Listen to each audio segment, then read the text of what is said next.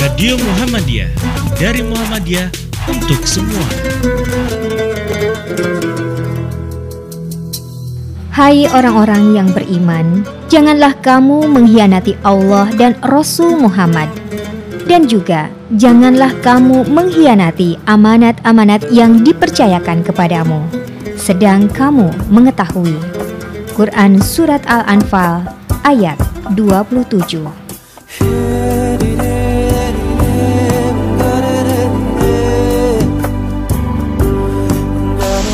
Radio Muhammadiyah. Radio Muhammadiyah.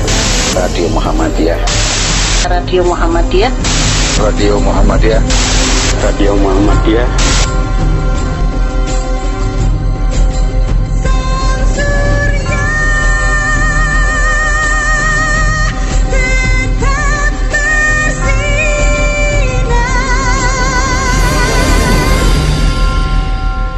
Muhammadiyah. Dari Muhammadiyah untuk semua. Assalamualaikum warahmatullahi wabarakatuh. Bismillahirrahmanirrahim. Alhamdulillahirabbil alamin Alladzi ja'ala syahra ramadhana syahran aziman wa mubarakan Assalatu wassalamu ala nabiyina Muhammad wa ala alihi wa ashabihi wa mawalah ila yaumil qiyam Ibu-ibu dan bapak-bapak peserta pengajian Ramadan yang kami hormati Pak Haidar, Pak Asep dan sebentar lagi Pak Busro akan hadir di sini. Alhamdulillah pada malam hari ini kita sudah memasuki season yang ke-6 dari sejak hari Jumat pengajian Ramadan. Eh, sejak hari Kamis. Dan ini hari yang ketiga. Nampaknya pembicaraan-pembicaraan sejak awal sampai tadi sore sangat menarik dan cukup segar. Dan malam hari ini nampaknya akan lebih mengerucut pada permasalahan yang terkait dengan aktualisasi masyarakat Islam yang sebenar-benarnya dan strategi gerakan Muhammadiyah dalam mewujudkan masyarakat utama. Tentang masyarakat utama sejak awal sudah eh, diangkat ada berbagai macam istilah nampaknya baik itu al-ummah, khairu ummah, kemudian eh, baldatun tayyibah, baldah tayyibah, baldatun tayyibatun rabbun ghafur, kemudian Madinah e, menjadi Madinah Al Munawwaroh. Nah, e, kalau tadi sore sangat segar dan masih ingatan kita hal-hal yang terkait dengan e, strategi di e, strategi mewujudkan masyarakat utama di ma masyarakat akar rumput, maka malam hari ini kita akan mengikuti paparan dari tiga tokoh Muhammadiyah yaitu yang pertama Bapak Dr. Haji Haidar Nasir MSI Yang kedua Bapak HM Busra Muqaddas SHM HUM Yang tadi sudah rawuh namun belum e, kembali ke ruang ini Mudah-mudahan sebentar lagi nanti bisa bersama-sama kita Yang ketiga e, Mas Asep Purnama Bahtiar SAG MSI Yang menarik dari tiga pembicara ini Ketiga-tiganya ini adalah kader yang mengelola dan membesarkan majelis sekarang menjadi majelis pembinaan kader. Eh, majelis pendidikan, maaf. Kalau di Aisyah itu MPK majelis pembinaan. majelis pendidikan kader MPK. Pak Busro dan eh, Pak Busro dan Pak Haidar bersama-sama. Dan beliau sebenarnya asabiqunal awalunnya pengajian Ramadan ya karena pertama pengajian Ramadan pada pelaksananya saat itu adalah BPK pada masa Pak Busro dan Pak Haidar. Mas Asep ini juga sekarang sebagai sekretaris di Majelis Pembinaan Kader eh maaf Majelis Pendidikan Kader di MPK lah gitu. Jadi ini yang melanjutkan uh, Pak Haidar maupun Pak Busro Mukodas. Uh, saya tidak akan mengenalkan beliau-beliau karena memang sudah sangat apa sangat akrab dengan kita.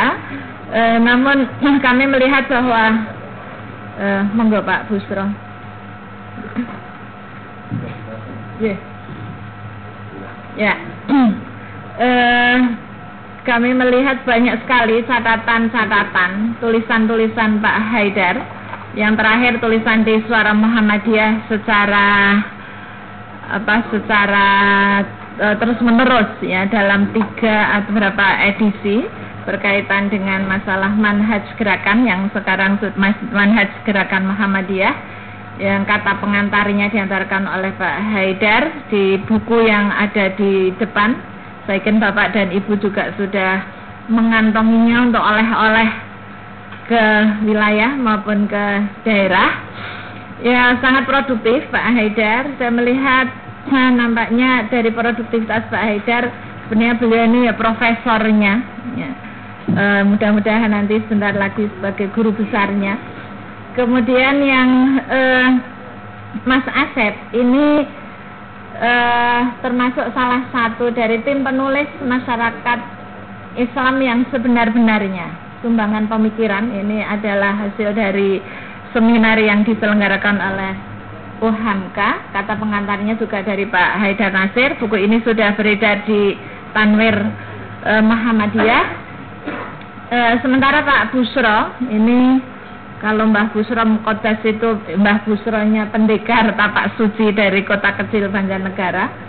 Maka Pak Busro ini pendekar cabak eh, pendekar ranting ya kalau saya lihat. Ini aktualisasi masyarakat Islam sudah dibumikan sudah diwujudkan secara nyata oleh Pak Busro dan teman-teman di ranting nitian yang beberapa waktu yang lalu sudah uh, kita lihat di pengajian Ramadan ini Uh, baiklah Bapak dan Ibu sekalian, kita akan mengikuti paparan dari beliau bertiga. Yang pertama kita ikuti cukup panjang uh, apa makalahnya sudah ada di hadapan Bapak Ibu semua dari Bapak Dr. Haidar Nasir MSI. Kemudian nanti akan dilanjutkan mohon Pak Busro dan kemudian selanjutnya Pak Asep Purnambah Bahtiar. Kita punya waktu sampai jam 22.30 tapi akan break nanti jam 9 eh, mohon biar ada banyak dialog nanti berbicara 30 menit untuk bisa menghantarkan. Selama satu setengah jam kita akan ikuti berarti sampai jam 8.30 kemudian nanti kita dialog break jam 9 kita akan lanjutkan kembali. Baiklah monggo Pak Haidar kami haturkan sepenuhnya Tadi katanya Mas Asep nanti terakhir.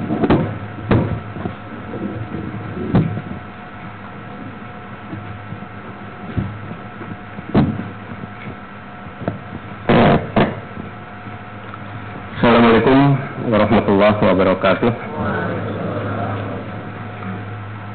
Alhamdulillah Alhamdulillahirrabbilalamin Salatu wassalamu ala khatamul anbiya wa khairul mursalin Muhammadin wa ala alihi wa sahbihi ajma'in. Bu Aisyah, eh, Pak Bisro, Pak Asep dan Bapak Ibu yang saya hormati.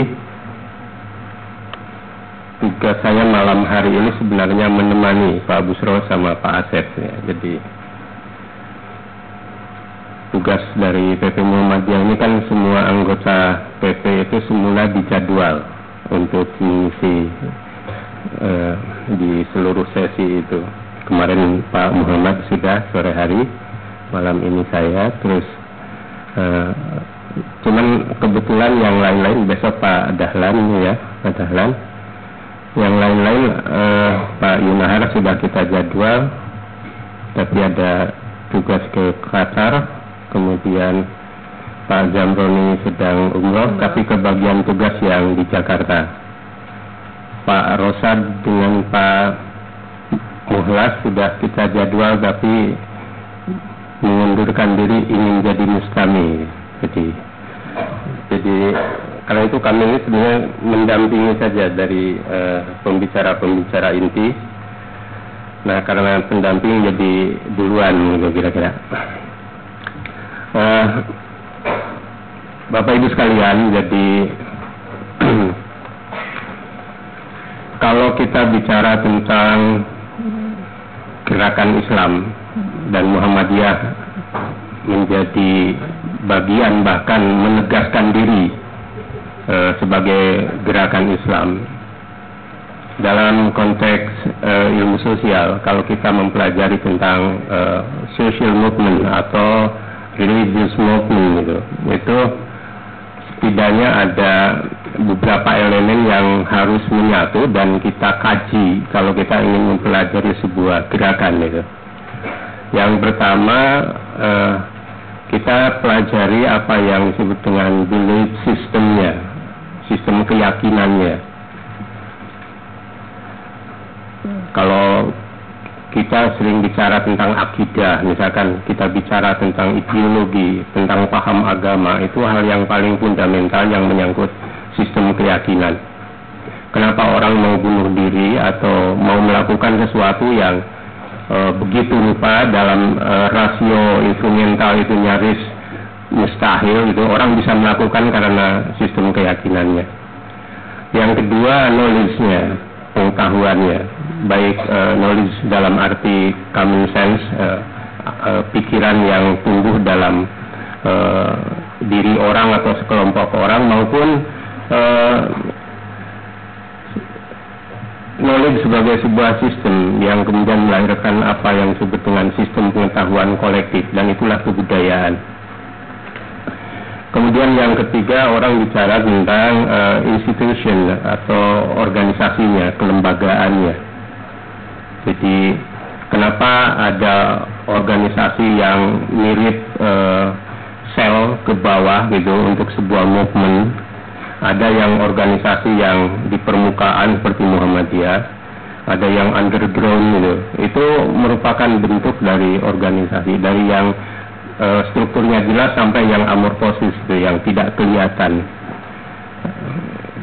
tentu ada ada tujuannya. Kenapa sebuah gerakan mengambil jalan underground menjadi jalan uh, di bawah tanah gerakan bawah tanah misalkan? Kemudian uh, berikutnya kalau kita mempelajari tentang uh, movement itu kita bicara tentang aktor ya pelakunya. Jadi uh, aktor ini sesuatu yang sangat menentukan dalam sebuah movement dalam sebuah gerakan dan terakhir itu action model-model aksi dari gerakan itu jadi kalau e, di sesi ini kita berbicara tentang aktualisasi dari sebuah sistem gerakan Muhammadiyah misalkan lebih-lebih untuk mewujudkan masyarakat Islam yang sebenar-benarnya itu tentu bisa bicara sesuatu yang sangat kompleks sekali dan tidak mungkin kita e, membahas secara keseluruhan. Nah, saya akan mencoba untuk melihat dari dari konstruksinya gitu kira-kira gitu. Jadi uh, tentang bagaimana caranya kita mewujudkan masyarakat Islam yang sebenar-benarnya itu kan bukan sekedar bagaimana kegiatan usaha itu dilakukan oleh sebuah gerakan tetapi juga uh, kenapa sebuah gerakan itu mengambil pilihan-pilihan gerakan seperti itu Kemudian yang kedua kita ingin tahu eh, bagaimana kita membaca realitas ketika sebuah gerakan itu sudah melakukan apa eh, aksinya gitu, lebih-lebih dalam sebuah proses yang panjang seperti Muhammadiyah yang sudah sampai eh, kira-kira satu abad. Eh, kadang sering kita lupa melihat sebuah gerakan yang sudah begitu mengakar kuat di masyarakat dan dalam proses perjalanan yang panjang kita melihat dalam satu penggal nah yang ketiga uh, baru kita uh, mencoba untuk kira-kira uh, kalau Muhammadiyah ingin positioning dalam proses perubahan dan berbagai persoalan yang sejak kemarin sampai hari ini kita cerna dari para narasumber kita itu kira-kira uh, mana yang menjadi pilihan strategis. Nah tiga hal ini yang saya coba ingin lihat yang pertama saya akan bicara soal aktualisasi Islam. Jadi uh, Islam sebagai ajaran, sebagai din, gitu ya, sebagai uh, wahyu, sebagai paham, sebagai nilai dan sebagainya itu adalah uh, ajaran yang sudah selesai, yang sudah final. Dalam arti bahwa bagi kita kaum muslimin sudah meyakini bahwa Islam adalah agama yang sempurna, Islam yang paripurna, Islam yang uh, pokoknya uh, ya'lu wala yu'la alaih gitu. Itu sudah merupakan sesuatu yang melekat dalam sistem keyakinan kita. Nah, keistimewaan Islam adalah sebagai sebuah ajaran dibanding dengan yang lain eh, terletak pada eh, kandungan ajarannya dan pesan-pesan eh, sucinya yang eh, mampu membangun relasi antara hablum minallah dan hablum minnas ini adalah dua jangkar yang selalu menjadi persoalan krusial dalam sejarah agama. Bagaimana agama menerjemahkan e, realitas kesucian ilahi itu dalam kehidupan nyata. Selalu ada kontroversi, selalu ada ekstremitas, selalu ada dialektika. Dan itulah yang terjadi dalam banyak e, apa perjalanan sejarah agama-agama kalau kita mempelajari agama. E, satu contoh yang sering uh, saya ambil contoh misalkan di Barat ketika Kristen uh, berhadapan dengan realitas uh, kehidupan pada abad tengah dan setelah uh, uh, Barat modern itu terjadi pergumulan uh, pada abad tengah Kristen sangat teosentris kemudian terjadi revolusi uh, modern Barat lalu terjadi kritik keras lalu muncul uh, tanda petik uh, epistemologi dan agama baru di Barat yang keluar dari dari ekstremitas Kristen yang teosentris menjadi humanisme antroposentris. Ini pergumulan yang sampai sekarang juga di, dialami. Nah Islam tentu tidak mengalami itu karena sejak awal ajarannya itu ada ajaran yang antara langit dan bumi itu selalu dibangun relasi. Tetapi dalam dalam uh, relasi yang ideal itu sering terjadi dinamika ya, sering terjadi dinamika. Nah, aktualisasi Islam bisa kita baca dalam sejarah ketika Islam itu kita ambil Islam yang terakhir uh, yang dibawa oleh para uh, oleh Nabi Muhammad sebagaimana dalam uh, konsep adinul Islam dalam uh, tarjih. Uh, kita lihat bahwa jika kita mengambil uh, islamisasi atau aktualisasi Islam itu ideal di zaman Nabi, uh, tentu seluruhnya sudah kita kita simpulkan itulah uh, tipe ideal Islam di zaman Nabi. Uh, tetapi ternyata uh, aktualisasinya itu bukan sesuatu yang uh, taken for granted, tidak sekali jadi asumsi kita kan begitu kerisauan Rasulullah selesai maka semuanya sudah sudah pakem dan tidak berubah. Tetapi ternyata ada dinamika baru. Jadi saya ambil contoh peristiwa uh, Safifah Bani Sa'idah misalkan. Itu satu contoh dari uh, betapa aktualisasi Islam itu uh, tidak tidak merupakan sesuatu yang final dalam uh, realitas yang absolut seperti yang kita idealisasikan, tetapi itu selalu muncul e, dinamika yang itu tergantung cara kita membacanya. Orang lain akan membaca bahwa e, itu bentuk dari kebelum kebelum tuntasan e, kaum muslimin di dalam menginternalisasikan Islam yang ketika zaman Nabi itu Nabi ada dan selalu merujuk pada Nabi dan Nabi selalu menjadi uh, tanda petik gitu ya bayang-bayang Tuhan yang selalu menjadi menjadi uh, faktor idealisasi di dalam beragama. Nah, ketika Nabi meninggal lalu ada semacam kekosongan identifikasi figur kira-kira begitu. Uh, lalu orang bisa membacanya bahwa itu sebagai uh, satu proses uh, keberislaman Uh, saya menarik justru membaca dari konteks yang uh, nanti di belakang bisa dilihat. Uh, seorang sosiolog uh, Bella misalnya Robert N. Bella, justru dia mencoba mencari uh, makna lain secara sosiologis yang lebih lembut gitu. Ada kan uh, analisis sosiologis yang lebih liberal, yang lebih radikal. Dia mencoba eklektik sebagaimana Weber gitu. Dia membacanya begini Islam itu datang terlalu modern untuk zamannya. Dan e, ketika Islam itu hadir, itu masyarakat Arab Timur Tengah, gitu lah, e, lebih-lebih karena ada nasab e, kejahiliahan gitu, itu tidak siap e, dalam infrastruktur e, sosial e, kebudayaan modernnya. Gitu. Maka ketika e, Nabi pungkasan itu menyelesaikan risalahnya, nah e, infrastruktur sosial yang e, seharusnya kompatibel dengan nilai e, modernitas Islam yang dibawa oleh Nabi itu kemudian kelihatan menganga. Nah, itulah yang terjadi. Maka e, ketika terjadi drama peralihan kekuasaan dari e, Umar kepada Utsman kepada Ali, lalu di situ muncul Khawarij, lalu nanti muncul dinasti dan lain sebagainya, lalu terjadi pergolakan politik dan sebagainya, itu gambaran dari eh, apa ketidaksambungan antara nilai-nilai eh, yang tadi itu sistem keyakinan, pengetahuan itu dengan institusi.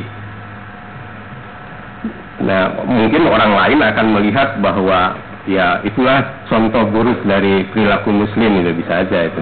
Tapi saya melihatnya seperti itu. Saya menggunakan uh, pendekatan sosiologi yang lebih lembut.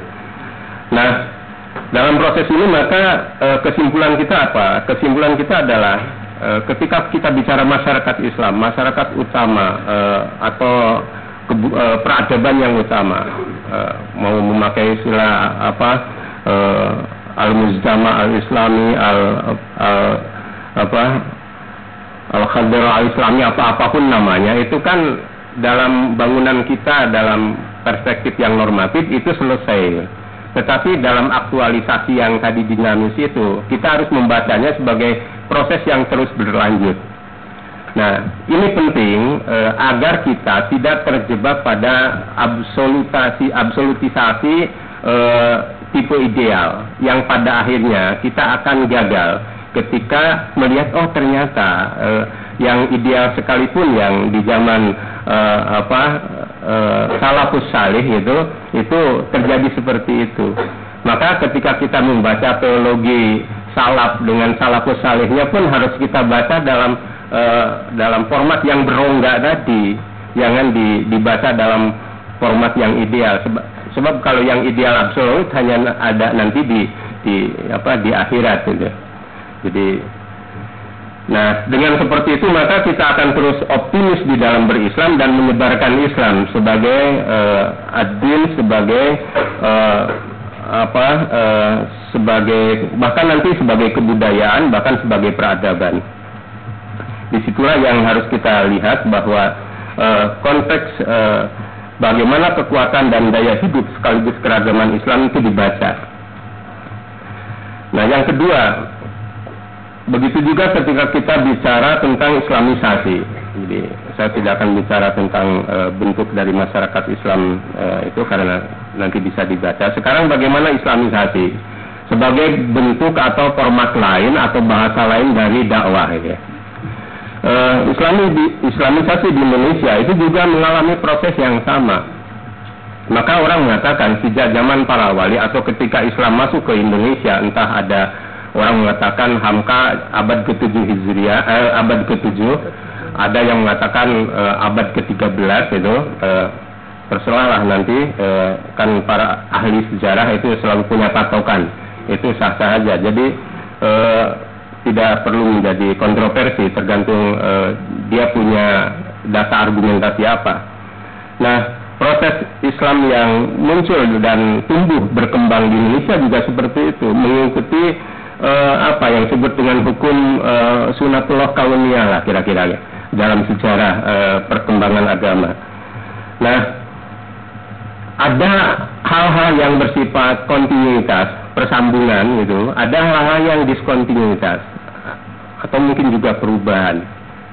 Jadi yang kontinuitas misalkan uh, ketika dulu uh, orang boleh berdebat soal peran para wali, tapi katakanlah bahwa ketika Islam generasi awal itu muncul di setiap uh, daerah di Indonesia itu kan prosesnya sangat kultural Tetapi ketika muncul kerajaan pada abad ke-14, 13, 14 dan seterusnya, lalu di situ muncul uh, proses persenyawaan antara uh, Islam kultural dengan Islam politik lah kira-kira begitu. Nah, nah proses ini juga terjadi pada saat sekarang atau dalam babakan sejarah perjalanan uh, Islam. Maka ketika ada orang yang ingin mempatok pada satu format itu memang akan kerepotan melihat proses ini. Nah, tetapi juga ada sesuatu yang ada sesuatu yang sifatnya berubah, ada sesuatu yang bahkan discontinue. Discontinue itu mengalami patahan itu. Apa yang dulu tidak terjadi sekarang terjadi.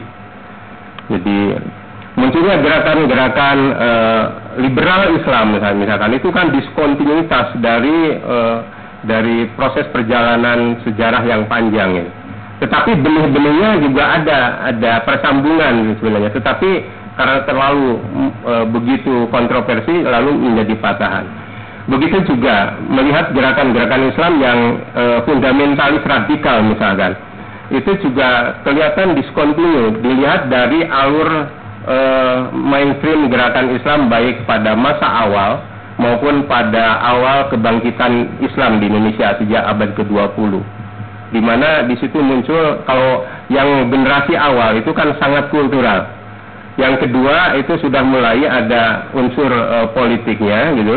Tetapi basicnya pada umumnya gerakan-gerakan kebangkitan Islam itu modernis atau reformis atau bahasa Muhammadiyah Islam berkemajuan. Biarpun nanti kita bisa melihat perbedaan-perbedaannya. Sama-sama modernis misalkan. Muhammadiyah dan e, Persatuan Islam menurut e, Deliar Nur itu yang satu lebih toleran Muhammadiyah, sementara Persatuan Islam itu e, lebih keras misalkan. Nah, tentu nanti bisa kita lihat e, pada konteks sosiologis di mana dua gerakan ini lahir, mungkin itu ada pengaruhnya.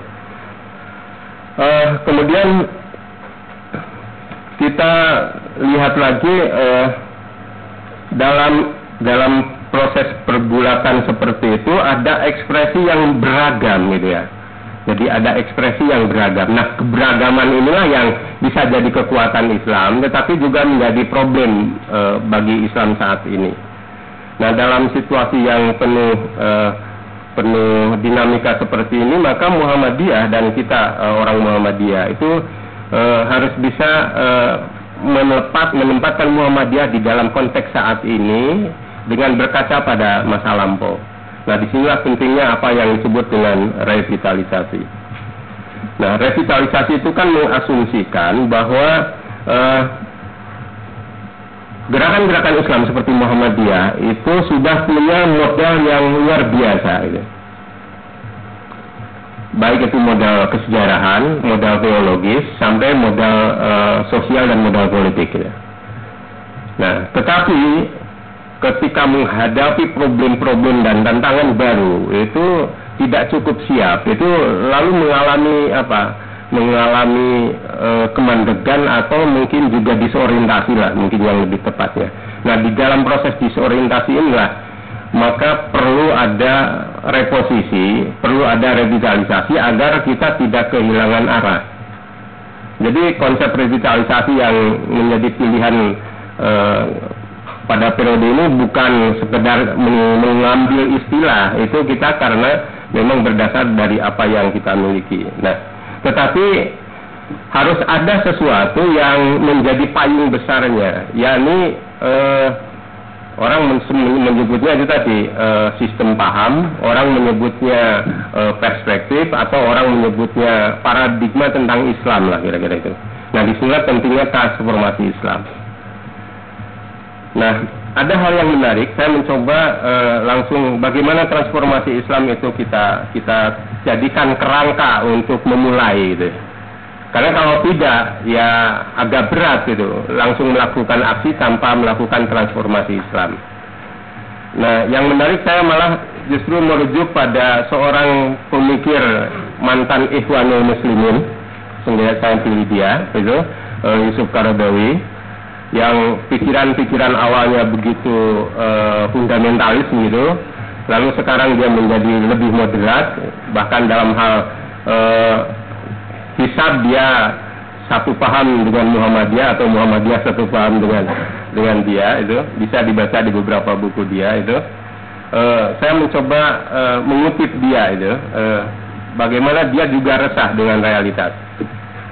Kutipan ini akan saya baca itu di antara manusia kata dia ada yang memperhatikan Islam hanya dari sisi yang bersifat formalistik daripada substantif hanya pada bentuk dan bukan pada hakikat. Seolah-olah hal penting bagi mereka hanyalah bagaimana merawat dan memanjangkan jenggot, memendekkan pakaian, membawa siwak, merapatkan kaki dengan kaki yang lain di kala salat, meletakkan tangan di dada atau di ulu hati ke e, kala berdiri, minum sambil duduk dan bukannya berdiri, mengharamkan jenis lagu dan musik, mewajibkan pakaian niqab atau sadar bagi kaum perempuan dan seterusnya. Hal-hal seperti ini merupakan sesuatu yang lebih berkaitan dengan simbol dan penampilan daripada substansi. Sebab itulah penulis mengharapkan orang yang memiliki cara pandang demikian agar sesegara mungkin mencurahkan perhatiannya lebih pada substansi dan ruh ajaran Islam daripada format dan materinya. Ini kata Korodowi, bukan kata saya. Nah, karena memang Islam sebagai akidah substansinya adalah tauhid. Ini yang menarik. Islam sebagai akidah substansinya adalah tauhid. Sebagai ibadah substansinya adalah keikhlasan. Sebagai pedoman interaksi substansinya adalah kasih sayang. Sebagai syariat substansinya adalah keadilan. Sebagai amal praktis substansinya adalah amal yang sempurna sebagai etika, substansinya adalah perasaan. Sebagai konsep relasi, substansinya adalah persaudaraan. Dan sebagai peradaban, substansinya ialah keseimbangan. Jadi ini menarik sekali. Uh, konsep transformasi itu jangan dibaca sebagai proses diskontinuitas ya. Saatnya meninggalkan yang ini lalu masuk ke sini gitu loh e, ada proses persambungan, tetapi dia punya titik tekan karena ada tuntutan likagoya dari zaman gitu untuk menghadapi perubahan zaman. E, saya di bagian lain mengutip satu contoh tentang e, tesisnya e, siapa e, Sadek e,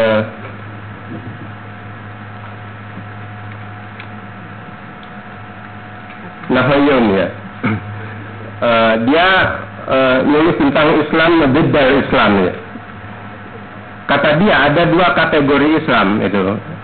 Biarpun di situ dia uh, mengkonfrontir gitu antara Islam sebagai sesuatu uh, dengan nomenklatur yang nakiroh dengan Islam yang makrifah gitu.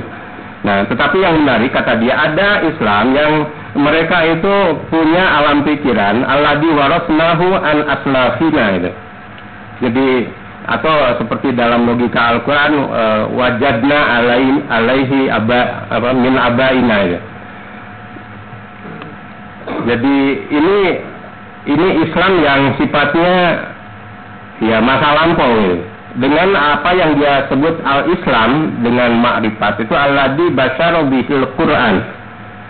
Jadi Islam yang arruju ilal Quran wa sunnah kira-kira gitu.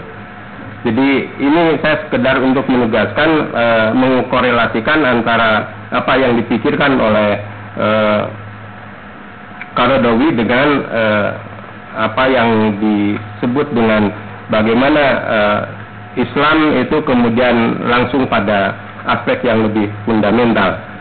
Satu contoh lain misalkan begini, Muhammadiyah sudah punya apa? Sudah punya e, dimensi ajaran yang pakem dan itu apa itu jadi panduan kita gitu. bahwa Islam itu terbagi dalam akidah, ibadah, akhlak dan muamalat duniawiyah. Yang lainnya tentu beda-beda gitu ya. Nah, dengan empat kategori ini kita bisa melakukan elaborasi sebenarnya. Misalkan Al-Qur'an yang 6660 ayat atau lebih itu itu dibikin eh, tabel gitu kira-kira gitu. Mana ayat-ayat yang masuk pada kategori akidah, mana yang masuk pada kategori ibadah, mana masuk pada kategori akhlak dan mana yang muamalat duniawiyah. Itu menarik menurut saya kalau ada usaha untuk seperti itu. Nah, dari kategorisasi itu nanti kita bagi pada kategorisasi antara substansi dan dan format gitu. baru nanti bisa kita lebih kaya di dalam melihat Al-Quran dengan empat kategori uh, kategori tadi. Sehingga dalam setiap aspek pun tentu ada dimensi-dimensi yang melampaui dari aspek-aspek yang kot'i dan hukum syariat gitu kira-kira.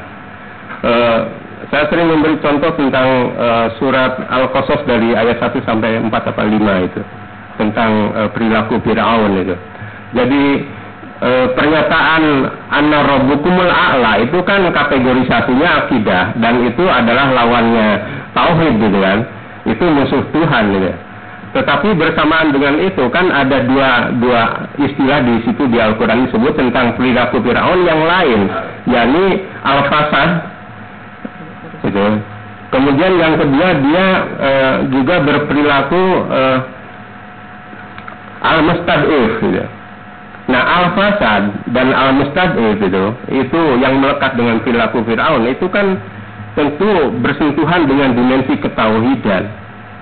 Nah, bagaimana kita membaca uh, tauhid dalam konteks uh, pandangan hidup atau minhajul hayat yang saya kutip dari Said Kutub itu tidak sekedar berhenti pada satu dimensi dan itu akan melahirkan apa yang mungkin Pak Amin uh, gagas tetapi tidak berketerusan itu yakni tauhid sosial atau Asgar Ali dengan teologi pembebasan. Nah, dengan kata lain bahwa sejauh tetap berpijak pada e, pakem tauhid yang kita pegang dan merujuk pada Al-Quran, tauhid sosial, tauhid pembebasan, tauhid transformatif itu merupakan derivasi dan transformasi dari konsep tauhid. Dan kalau seperti itu maka tauhid akan menjadi kekuatan dasar yang membangun epistemologi dan lain sebagainya. Nah, maka di sini eh, Korodowi menawarkan beberapa langkah. Misalkan pertama eh, dari format dan simbol menuju hakikat dan substansi, dari retorika dan perdebatan menuju penerapan dan aksi, dari sikap sentimental dan emosional menuju sikap yang rasional dan ilmiah, dari orientasi ke masalah cabang dan sekunder menuju masalah pokok dan primer, dan sikap menyulitkan dan menimbulkan antipati menuju pemudahan dan penyebaran kabar gembira, dari kejumudan dan taklid menuju izdihad dan pembaharuan, dari fanatisme dan eksklusivisme menuju toleransi dan inklusivisme, dari sikap berlebihan dan meremehkan menuju modernis, moderatisme, dari kekerasan dan kebencian menuju kelemah lembutan dan rahmat. Saya ketika membaca ini, saya ingat 10 poin sifat Muhammadiyah ya. Nah kira-kira coba nanti dikomparasikan ya kena-kena juga ini.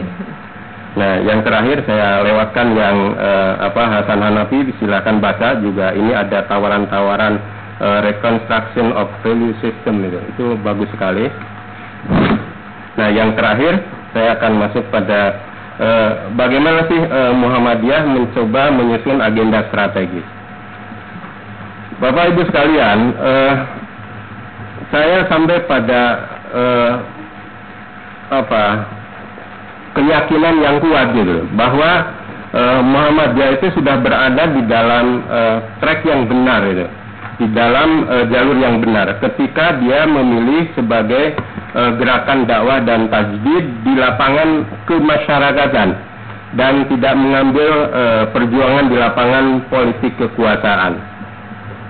Jadi ini bukan uh, logika post factum itu ya kan? Uh, yang membenarkan apa yang terjadi karena apa? Karena ada beberapa argumentasi yang faktual yang saya berani pertanggungjawabkan, kira-kira begitu.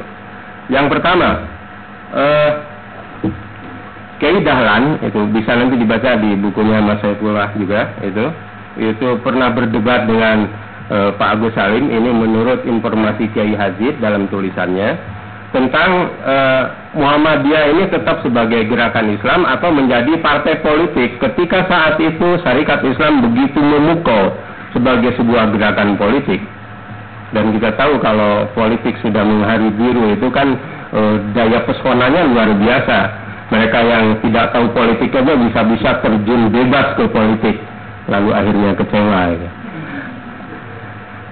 Itu itu daya pikat politik. Nah, waktu itu e, perdebatannya luar biasa sampai Pak Haji menceritakan bahwa saya hampir terpikat dan ikut pendapatnya e, Agus Salim karena memukulnya Agus Salim. Tetapi setelah e, kemudian Kiai Dahlan e, menjawab secara bagus gitu, tetapi tidak langsung dengan menjelaskan apa itu Islam, bagaimana gerakan Islam, lalu Kiai Haji jadi berbalik lagi. Ini sebenarnya kan dari asabu kenal awal sebagai satu satu pernyataan bahwa ya pilihan ke jalan dakwah itu adalah pilihan yang memang sadar dilakukan oleh Kiai Dalan setelah terjadi perdebatan. Kemudian eh, kasus lain yang kedua ketika Pak Badawi itu diundang ke istana gitu. Waktu itu kan tokoh-tokoh Masuni yang juga jadi tokoh-tokoh Muhammadiyah sangat berhasrat untuk menghidupkan kembali Masuni. Tetapi Pak Harto itu uh, tetap tidak mau Masuni hidup kembali sampai banyak jalur itu, termasuk jalur keluarga. Saya agak tahu sedikit gitu soal jalur keluarga, uh, tapi juga tidak mempan.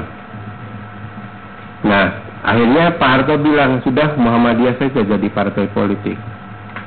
Dan itu katanya bukan semacam apa ya, bukan semacam bukan semacam melulu gitu atau uh, tapi memang Pak Harto percaya kalau Muhammadiyah tapi tidak ingin Masuni kira-kira gitu.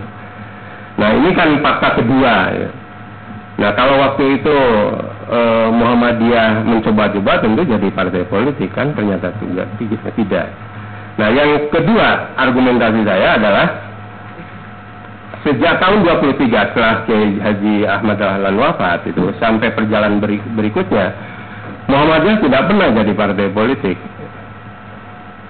NU tahun 52, SI tahun 22 ya. Kemudian eh, NU tahun 74 jadi partai politik lagi kan itu ketika Orde Baru. Muhammadiyah tidak. Nah ini satu satu pilihan yang by design, jadi bukan bukan karena Muhammadiyah takut atau lari dari dunia politik gitu atau takut dengan politik gitu. Justru karena perjalanan selama di Masumi merasakan pahit getirnya politik, eh, lalu melakukan pilihan, oh ternyata jalur dakwah itu terbengkalai gara-gara politik saat itu. Bisa dibaca di penjelasannya Mukadim apa eh, kepribadian Muhammadiyah. Jadi bukan uh, juhud karena ketakutan gitu kira-kira. Ketiga, uh, setiap melakukan inisiasi uh, pendirian partai politik itu buahnya kegagalan gitu. Uh, ini ahli ilmu politik tentu harus menjelaskan. Uh, jadi kalau misalkan ada asumsi bahwa gerakan-gerakan dakwah gagal, oke okay lah ya mungkin karena kelelahan kita sudah cukup panjang gitu ada waktunya untuk tidur gitu. Nah sekarang justru jelaskan pada kita dari para ahli ilmu politik bahwa kenapa para politisi Islam yang tangguh sekalipun gagal. Ini perlu diberi penjelasan juga atau pertanggungjawaban publik. Gitu jadi nah jadi ini ini satu contoh lagi. Uh, yang keempat pilihan jalur dakwah kemasyarakatan dan tidak di jalur kekuasaan politik itu kalaupun bagi kalangan internal itu masih merasa jauh dari sukses, tapi bagi orang luar itu satu kekuatan yang istimewa dan luar biasa. Muhammadiyah itu memperoleh trust bagi luar itu karena istiqomahnya di jalur dakwah dan gerakan kemasyarakatan dan saya yakin mereka bukan bukan bukan kekuatan asing ya rakyat kita eh, gerakan-gerakan uh, kita dan ya orang Indonesia dan mereka Muslim itu menaruh kepercayaan pada masyarakat mesti uh, apa ya ada ada sesuatu yang otentik gitu. Bukan karena udahlah biarin Muhammadiyah itu mengambil jalur seperti uh, tesisnya Snooker Grange gitu ya bahwa supaya tidak mengganggu status quo dan stabilitas kolonial maka biarkan gerakan-gerakan Islam itu e, bergerak di jalur ibadah dan dakwah kemasyarakatan. Jangan diganggu. Tapi sekali masuk ke politik kita harus potong itu kira-kira gitu. Karena pada saat yang sama nah ini e, padalannya bahwa pada saat yang sama sekarang kan ada partai-partai politik Islam. Ada partai-partai politik Islam. Nah yang terakhir bahwa uh, Muhammadiyah tidak mengambil jalur kekuasaan atau jalur politik praktis itu karena pada saat yang sama dia percaya betul punya fungsi-fungsi interest group atau uh, fungsi-fungsi peran kebangsaan yang melampaui uh, peran-peran partai politik. Tetapi pada saat yang sama, nah, Muhammadiyah juga cukup uh, konstruktif dan positif bahwa politik itu penting dan karena itu maka harus dimainkan oleh para kadernya di ranah perjuangan politik. Nah, problem kita adalah kita belum bisa melakukan mobilisasi kader politik untuk ke situ. Nah karena itu pengakuan Nurholis Majid tentang proses Islamisasi yang dilakukan Muhammadiyah dan Muhammadiyah tetap harus istiqomah di jalan dakwah itu eh, saya yakin itu juga lebih lebih apa lebih tulus gitu bahwa dia mengatakan eh, Muhammadiyah tidak perlu eh, tergoda untuk melihat dunia dan gemerlapnya politik kira-kira bahasanya begitu eh, ketika orang terjun banyak ke politik karena uh, pilihan ke jalur dakwah itu kelihatan memang kalah dalam pertempuran jangka pendek tetapi memenangkan perperangan jangka panjang. Kemudian yang kedua, dia mengatakan ketika ditanya oleh Pak AR uh, bahwa islamisasi yang dilakukan Muhammadiyah adalah islamisasi yang memang membekas dan kultural. Jadi jangan merasa Muhammadiyah gagal di dalam proses islamisasi karena dia mengatakan jangan dibaca islamisasi itu sebagai sesuatu yang sekali jadi. Nah, karena itu ada beberapa tawaran yang sifatnya apa pengulangan saja sebenarnya. Pertama, eh, agenda strategis kita pada level pemikiran teologis keagamaan sebagai basis nilai utama gerakan itu Muhammadiyah perlu menyusun rancang bangun teologi gerakannya. Nah, ini terkait dengan eh, apa eh, paket utama risalah Islamiyah ini saya selalu di mana-mana sejak tahun 90 itu e, menyuarakan tolong selesaikan konsep risalah Islamiyah. Saya tidak tahu Pak Muhammad yang dulu jadi salah seorang sekretaris masih junior gitu, e, masih punya apa naskahnya atau tidak. Nah ini tugas majelis tarjih dan seluruh potensi di lingkungan Muhammadiyah, intra atau juga yang melibatkan berbagai disiplin untuk menyelesaikan risalah Islamnya termasuk di dalamnya pandangan Islam mengenai perempuan harus masuk dalam itu tentang HAM, tentang demokrasi. Jadi ini ini sesuatu yang kalau buku babonnya tidak ada, ya nanti semua punya tafsir sendiri-sendiri.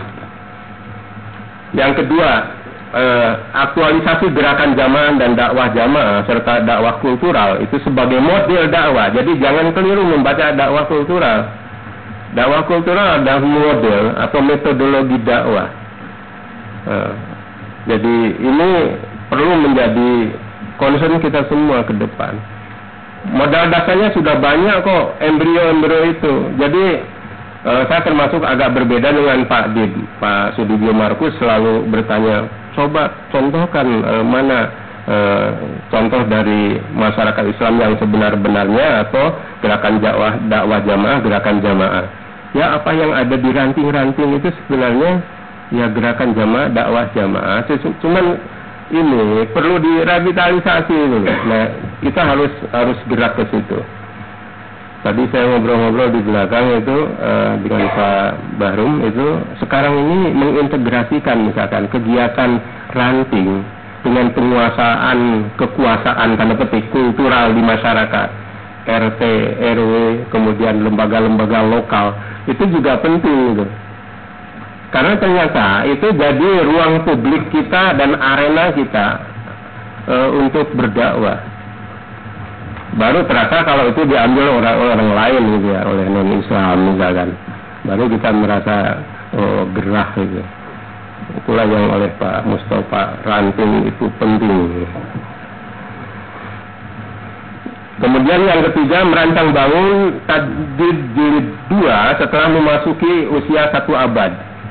Ya kelihatannya ini ya, uh, kelihatannya besar raksasa gitu Jilid 2 itu maksudnya begini kan generasi awal itu sudah menampilkan apa yang e, dirintis oleh Kiai Dalan dengan Islam berkemajuan yang tetap kokoh pada aruju ilal Quran wa sunnah tetapi membawa peradaban baru lah orang mengatakan reformisme Islam dan sebagainya Pak Jarnawi benar ketika mengatakan bahwa tajdid itu ya sekali, jadi mujadid itu ya sekali. Nah, oke okay lah, sekali tapi dalam 100 tahun kan. Yang kedua harus kita lakukan lagi gitu kira-kira.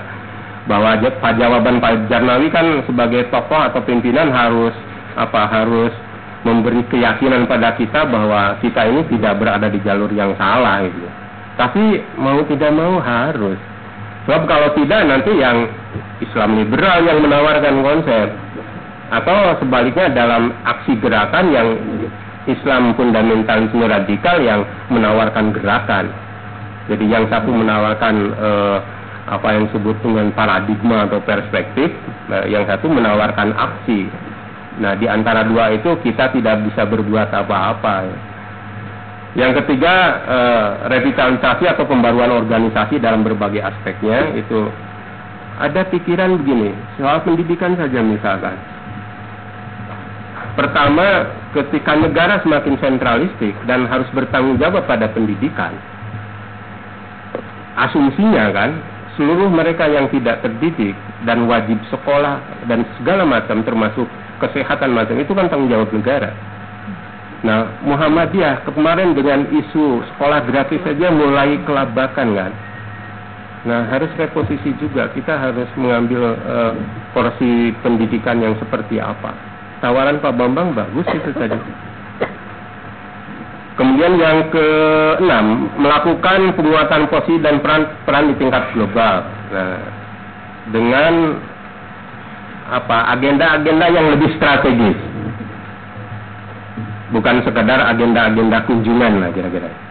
Jadi ini penting. Kemudian uh, ya ada yang menawarkan juga bila perlu katanya Muhammadiyah itu jadi gerakan transnasional untuk mengimbangi uh, Hizbut Tahrir gitu kira-kira ya monggo aja lah kalau seperti itu tapi uh, nasional aja udah melebihi transnasional dari mana dari Sabang sampai Merauke. Kalau malam dari Sabang Merauke, kalau besok pagi dari Merauke sampai Sabang lah kira-kira. Gitu. Tergantung kita pakai rujukan matahari atau bulan.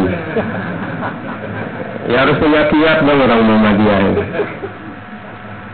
Kemudian ke tujuh menyusun peta gerakan dalam berbagai aspek sebagai langkah pemahaman terhadap area medan konteks gerakan saat ini dan ke depan sehingga gerakan Muhammadiyah bersifat praktis, kontekstual, dan antisipatif. Coba di, di peta ulang, apalagi setiap wilayah. Jawa Barat misalkan ada Kang Ahlan itu, coba petakan e, seberapa jauh sih e, penetrasi Kristen di seluruh wilayah Priangan.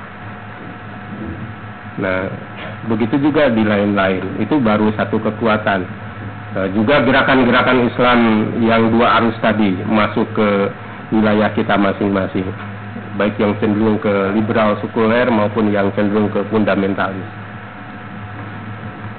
sebab yang di tengah-tengah biasanya nggak laku itu. yang kedelapan yang terakhir mobilisasi seluruh potensi yang dimiliki seperti sumber daya manusia jaringan sinergi gerakan sumber dana akses aset faktor pendukung dan sebagainya. Ini kelihatan gampang tetapi tidak mudah di Muhammadiyah.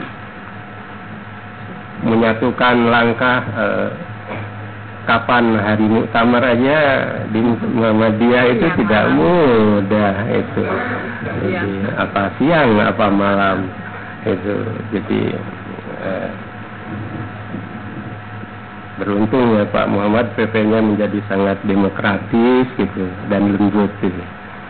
Nah, jadi dalam konteks inilah maka ada hal-hal yang harus kita ambil, tetapi saya optimisme kalau uh, kita membangun kekuatan itu dengan selalu apa uh, menantapkan posisi kita dalam uh, keikhlasan gitu ya dan uh, optimisme bahwa uh, menjahada finalana diyannahum subulana itu Eh, Muhammadiyah akan punya masa depan jelang satu abad yang akan datang.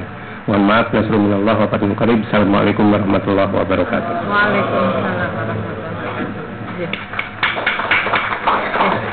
Uh, terima kasih Pak Haidar banyak sekali yang sudah kita paparkan.